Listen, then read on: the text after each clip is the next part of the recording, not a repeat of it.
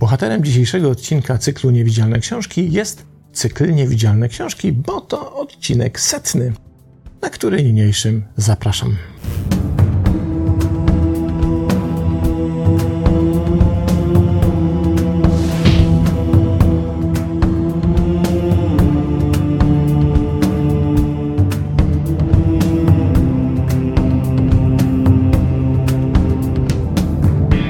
Poprzednim odcinku, zapowiadając odcinek setny, poprosiłem Was o pytania i rzeczywiście się trochę tych pytań pojawiło, które zebrałem, by na nie dzisiaj odpowiedzieć. Oczywiście nie na wszystkie, bo okazało się, że na część pytań odpowiadam w odcinku setnym mini wykładów i dwusetnym mini wykładów, w związku z czym nie ma sensu chyba powielać tych samych odpowiedzi.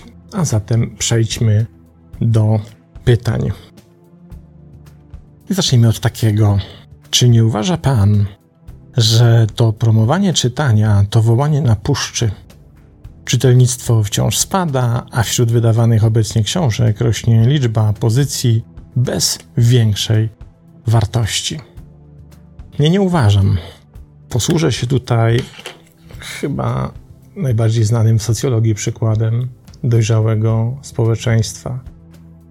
Otóż Społeczeństwo uznajemy za dojrzałe wtedy, kiedy najstarsze pokolenie robi coś, wiedząc, że im samym to już nie przyniesie korzyści, ale skorzystają na tym młodsze pokolenia. To na przykład sytuacja, w której starsi ludzie sadzą drzewa, wiedząc, że to ma posłużyć kolejnym pokoleniom, które przyjdą po nich, a oni sami już z tych drzew, kiedy te drzewa zdążą wyrosnąć, nie będą w stanie skorzystać.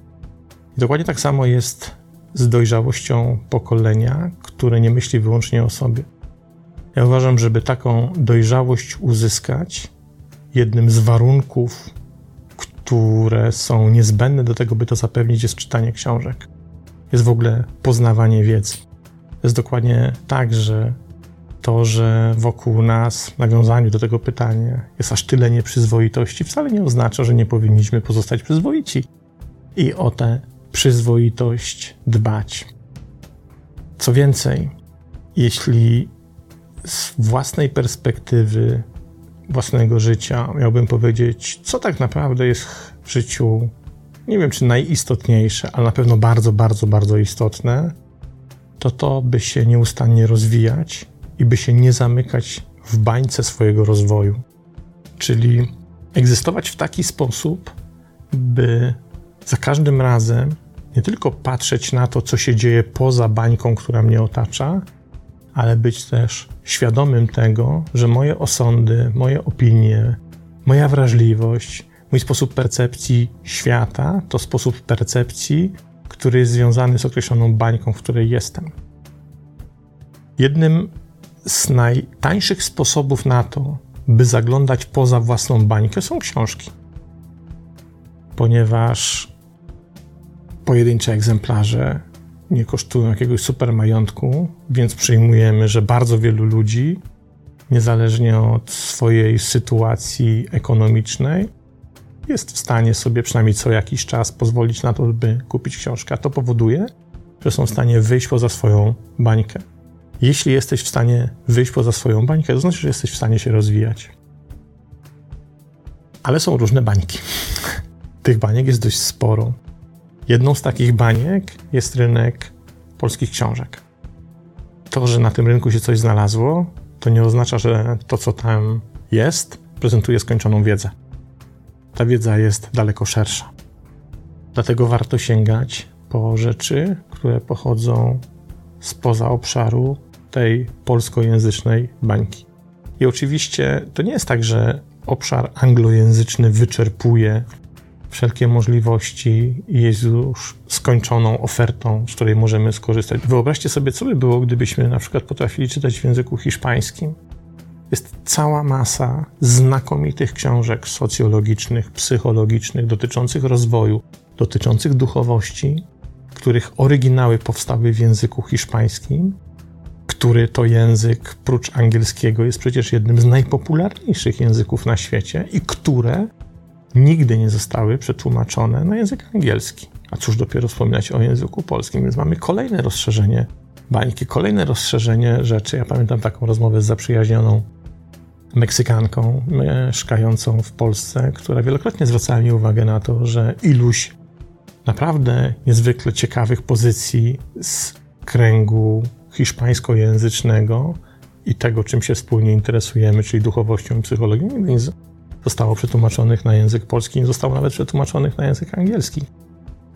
To poza bańką, to czego jesteśmy w stanie doświadczyć, kiedy wyłonimy się z naszej bańki, może być niezwykle cenne. I wracając do pytania, właśnie na tym, w moim przekonaniu, zbudowany jest fundament rozwoju nie tylko indywidualnej jednostki, ale w ogóle ludzi.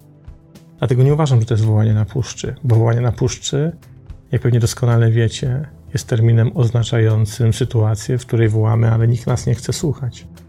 A przecież słuchacie tego, co mówię, więc to wołanie ma swoich odbiorców, ma jakiś sens i tyle. Mam nadzieję, że wytłumaczyłem.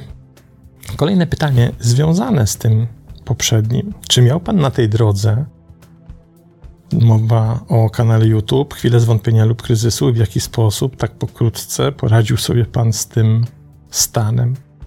No, oczywiście, że miewam chwilę zwątpienia i one się pojawiają bardzo często i myślę, że to jest tak, że tylko ignorant chyba albo głupiec ich nie ma, nie ma nigdy wątpliwości, że to, co robi, jest słuszne, zasadne komukolwiek potrzebne. Więc wszyscy się pewnie z tym zmagamy i musimy sobie z tym jakoś poradzić. Ale w opozycji do tych chwil wątpliwości pojawiają się również przepiękne, cudowne chwile, kiedy nagle się dowiaduje, że to komuś pomogło, to kogoś wsparło, to dało komuś jakąś korzyść, bo dzięki temu dokonał zmiany w swoim życiu, inaczej spojrzał na swoje życie, doświadczył innej perspektywy widzenia siebie, co uwolniło go od tego, z czym się do tej pory zmagał.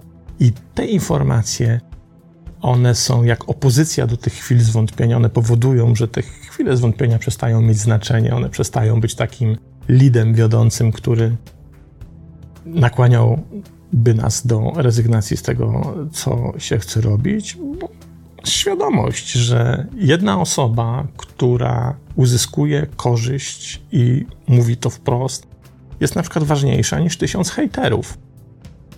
To jest wręcz nieporównywalne. Jeśli możesz komuś jednemu pomóc zmienić cokolwiek na lepsze w swoim życiu, to to jest bezcenne. I po prostu dlatego warto to robić. A poza tym, właśnie taka świadomość daje nam olbrzymią, olbrzymią satysfakcję w tym, co się robi, a przynajmniej ja tak do tego podchodzę. Kolejne pytanko w takim razie. O, takie pytanie. Ile tak naprawdę czyta pan książek w ciągu roku? I jak pan jest w stanie zapamiętać aż tyle wiedzy? No powiem tak. No czytam ich naprawdę sporo, bo oczywiście oprócz książek anglojęzycznych czytam również książki polskie, ale z tych anglojęzycznych czytam też książki nowe, ale często prezentuję książki, które znam od kilku lat i ze zdziwieniem obserwuję, że nie ma ich w Polsce, więc jakby wydaje mi się wtedy zasadne, by je zaprezentować. Sięgam wtedy do notatek z tych książek i o nich opowiadam, ale rzeczywiście dużo czytam. Co więcej, czytam nie tylko książki, czytam również badania naukowe, czytam artykuły głównie anglojęzyczne, bo tam się ich pojawia najwięcej i specjalistyczne, ale z mojej perspektywy, w tym, że tak dużo czytam, nie ma nic dziwnego. No bo spójrzmy na to z tej strony. Jest sobie ktoś, kto idzie na 8 godzin codziennie do pracy i sobie pracuje przez 8 godzin dziennie. I z tej perspektywy ja właśnie idę codziennie do pracy, a moją pracą jest czytanie książek. To jest mój zawód, ja już nie robię nic innego. Więc jeśli odbieramy tego typu pytanie w kontekście, jak pan to robi, że znajduje pan jeszcze poza pracą czas na czytanie książek, to odpowiadam, że pytanie jest troszeczkę źle postawione, bo nie ma czegoś takiego jak poza pracą. To jest moja praca. Ja to właśnie robię w robocie.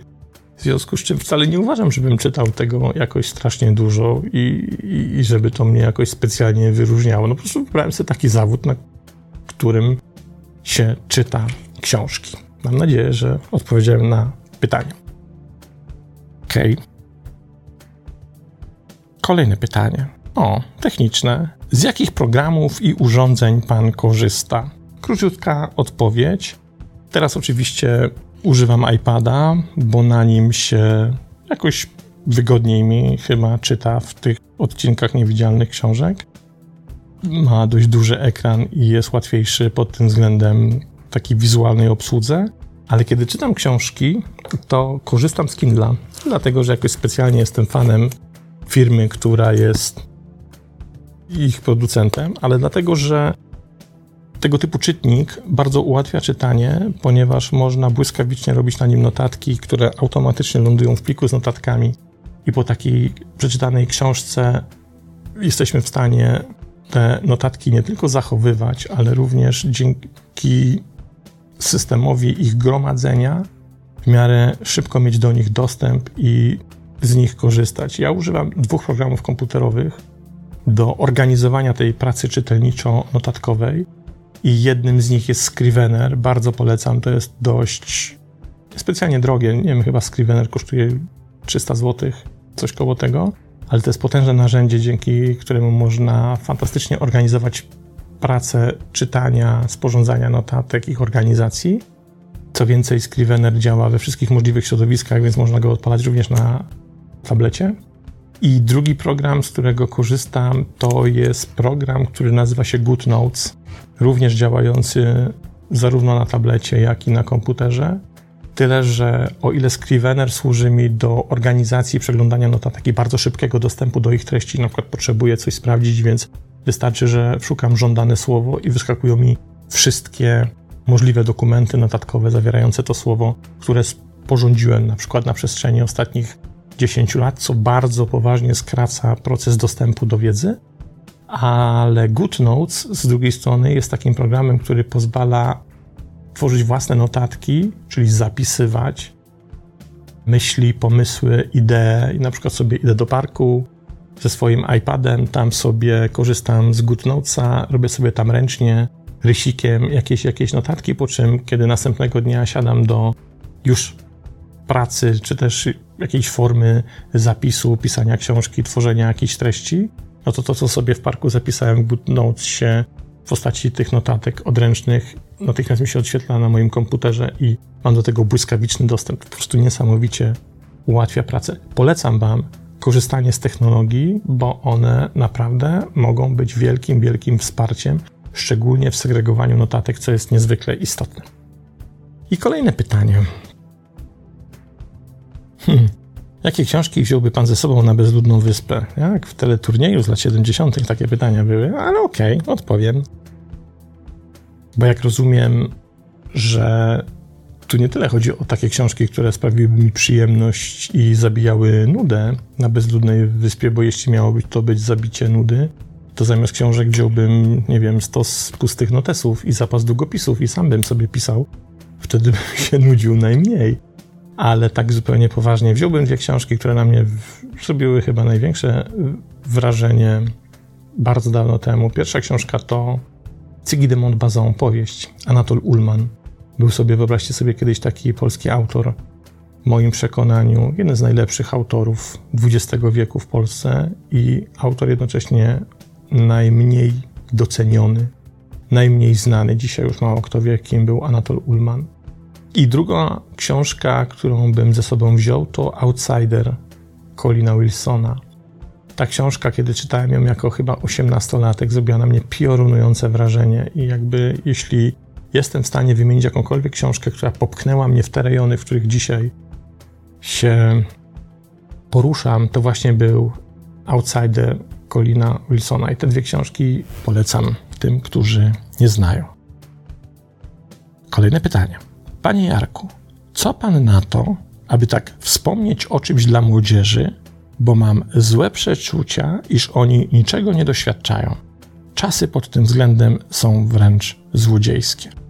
Od razu mówię, nic na to, dlatego że ja się nie specjalizuję w pracy z młodzieżą, ani nie posiadam odpowiednich kompetencji według mnie, ani wiedzy, by taką pracę podejmować. Dlatego nie da się jakoś myślę, doczekać na moim kanale tego, bym mógł wziąć się za publikowanie treści dedykowanej młodzieży. Z punktu widzenia bardzo młodych ludzi, że jestem boomerem, który ich mało, że tak powiem, kręci i który ich mało interesuje. I okej, okay, no tak po prostu z pokoleniami jest. Wszystkim, którzy mają pod tym względem jakąkolwiek wątpliwość, polecam zobaczyć jeden z odcinków drugiej serii serialu Zbrodnie po sąsiedzku i tam jest przepiękna scena, kiedy główni bohaterowie dwóch starych dziadów, więcej takich samych jak ja, próbuje się dogadać z dziewiętnastolatką i w końcu nie są w stanie tego zrobić, więc proszą swoją zaprzyjaźnioną koleżankę, 29-latkę, graną przez Selenę Gomez i mówią, słuchaj,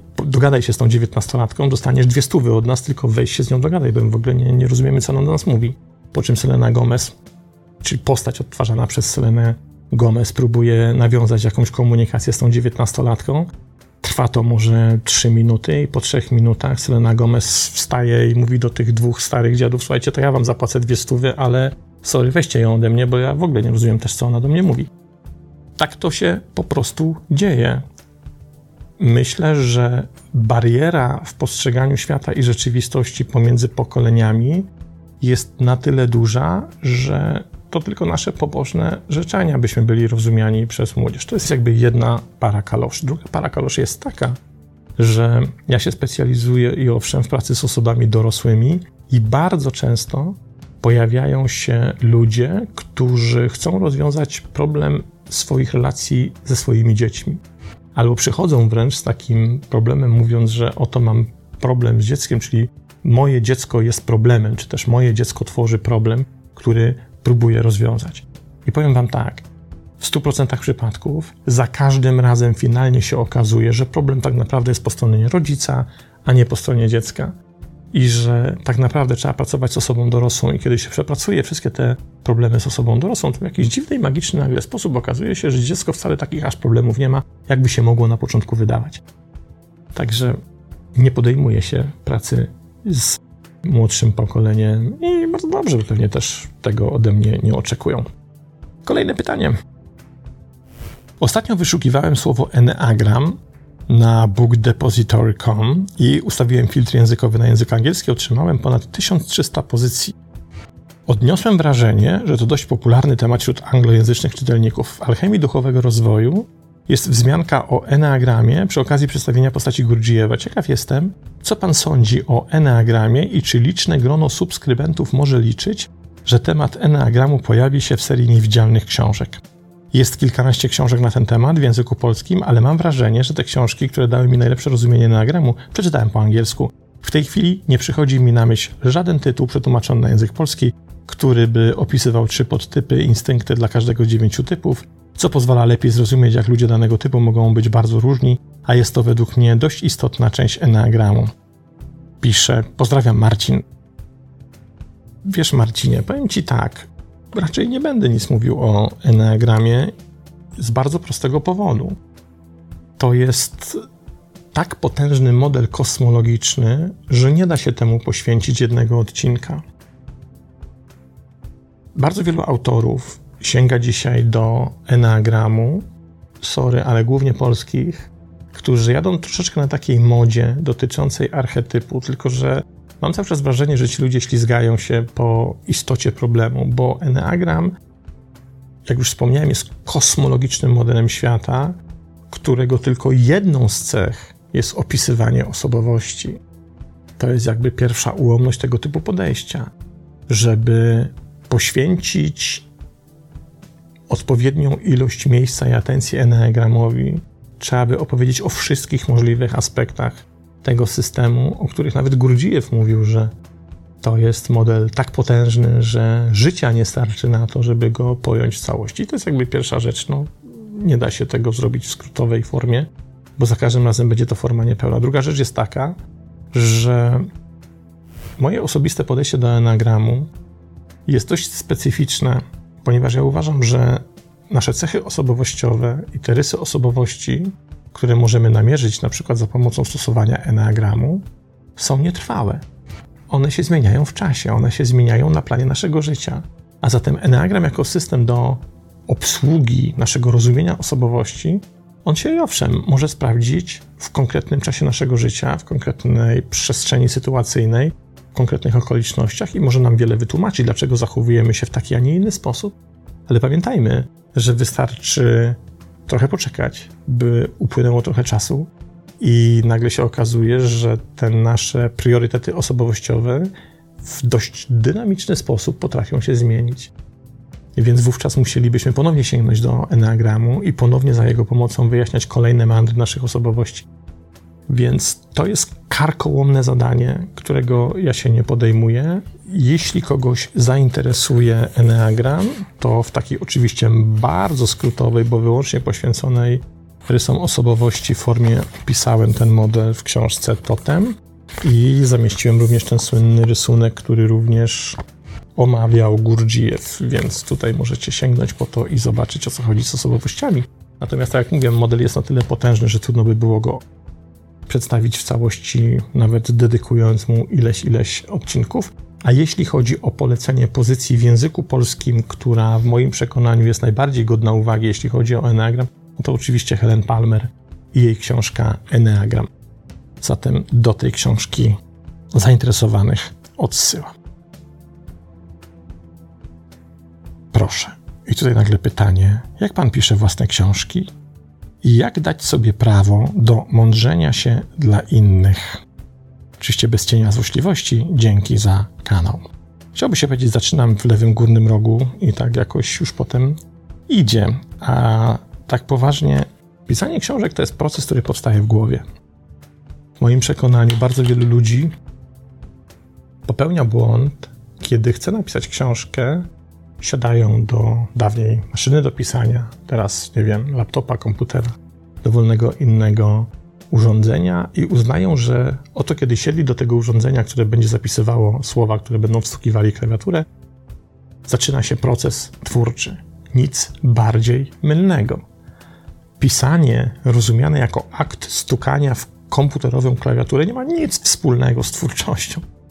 Ten proces twórczy powstaje dużo wcześniej, na etapie wymyślania konstrukcji książki, na etapie pomysłu na to, co chcę napisać. Mówiąc inaczej, kiedy siadasz do komputera i zastanawiasz się, co napisać, to popełniasz jeden z największych błędów. Nie powstanie w ten sposób, w moim przekonaniu, żadna dobra i wartościowa książka, na pewno nie taka, którą napiszesz lekko i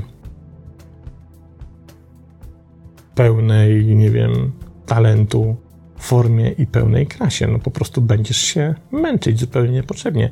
Proces pisania książki to jest proces, który powstaje zanim następuje akt fizycznego zapisu słów. To akt nie ma nic wspólnego z twórczością, jest technicznym aktem końcowym, finalizującym napisanie książki. Natomiast w kontekście pisania książek mówi się, że każdy z nas nosi w sobie co najmniej jedną książkę, którą mógłby napisać i która mogłaby kogoś zaciekawić.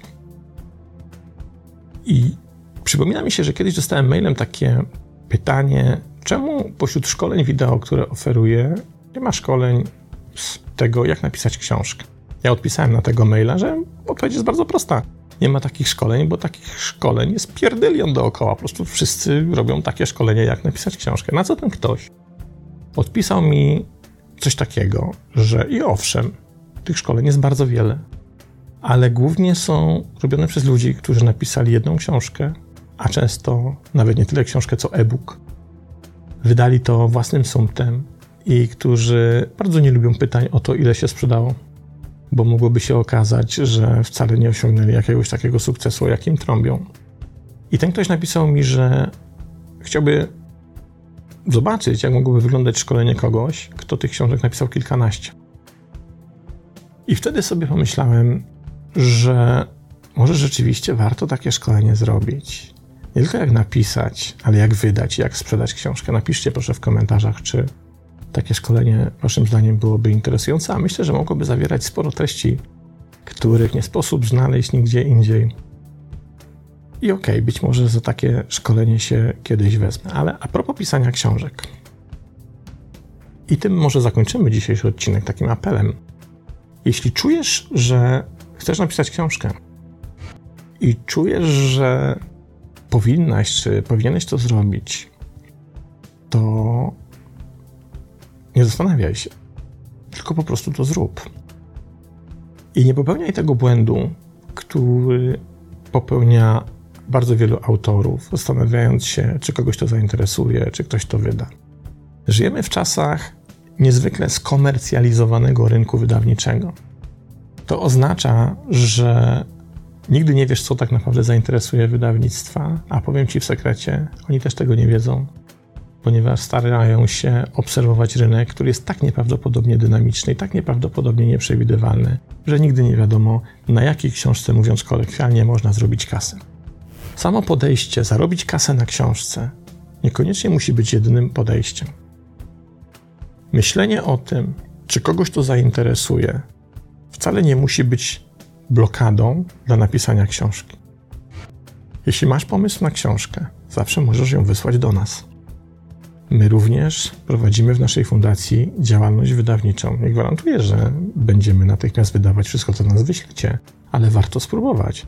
Jesteśmy o tyle lepszej sytuacji od pozostałych dużych komercyjnych wydawnictw, że my nie musimy się posiłkować wyłącznie zyskiem z książki, ale możemy po prostu wydawać to jako projekt fundacyjny, bo jesteśmy organizacją non-profit i dla nas dużo ważniejsze jest niesienie dobra w świat i sprawianie, by ludzie otrzymywali jakąś wartość, niż to, by koniecznie zarabiać jakieś na tym nieprawdopodobne fortuny. Więc zawsze możesz taką książkę i pomysł na książkę wysłać do nas, do czego Cię bardzo, bardzo zachęcam, bo wierzę, że wśród oglądających ten kanał jest bardzo wielu ludzi, którzy mają wiele do powiedzenia, ale z różnych powodów do tej pory nie sięgnęli po tego typu formę własnej ekspresji. A być może warto. W nawiązaniu do tego, co mówiłem w odpowiedzi na pierwsze pytanie, jeśli chcemy być dojrzałym społeczeństwem, jeśli chcemy wzrastać, jeśli chcemy się rozwijać, jeśli chcemy powodować, żeby te przyszłe pokolenia mogły korzystać z tego, co my wypracowaliśmy, a nie tylko spłacać nasze długi, to może warto zostawić im coś więcej niż zadłużenie. Dlatego namawiam Was gorąco, jeśli macie pomysł, ochotę i potrzebę napisania książki, to nie wahajcie się ani chwili. Pamiętajcie, jedna osoba, która dzięki temu otrzyma wsparcie, otrzyma jakąś korzyść, doświadczy jakiejś zmiany, której powodem będzie wasza książka, jest wielokrotnie ważniejsza niż tysiąc hejterów.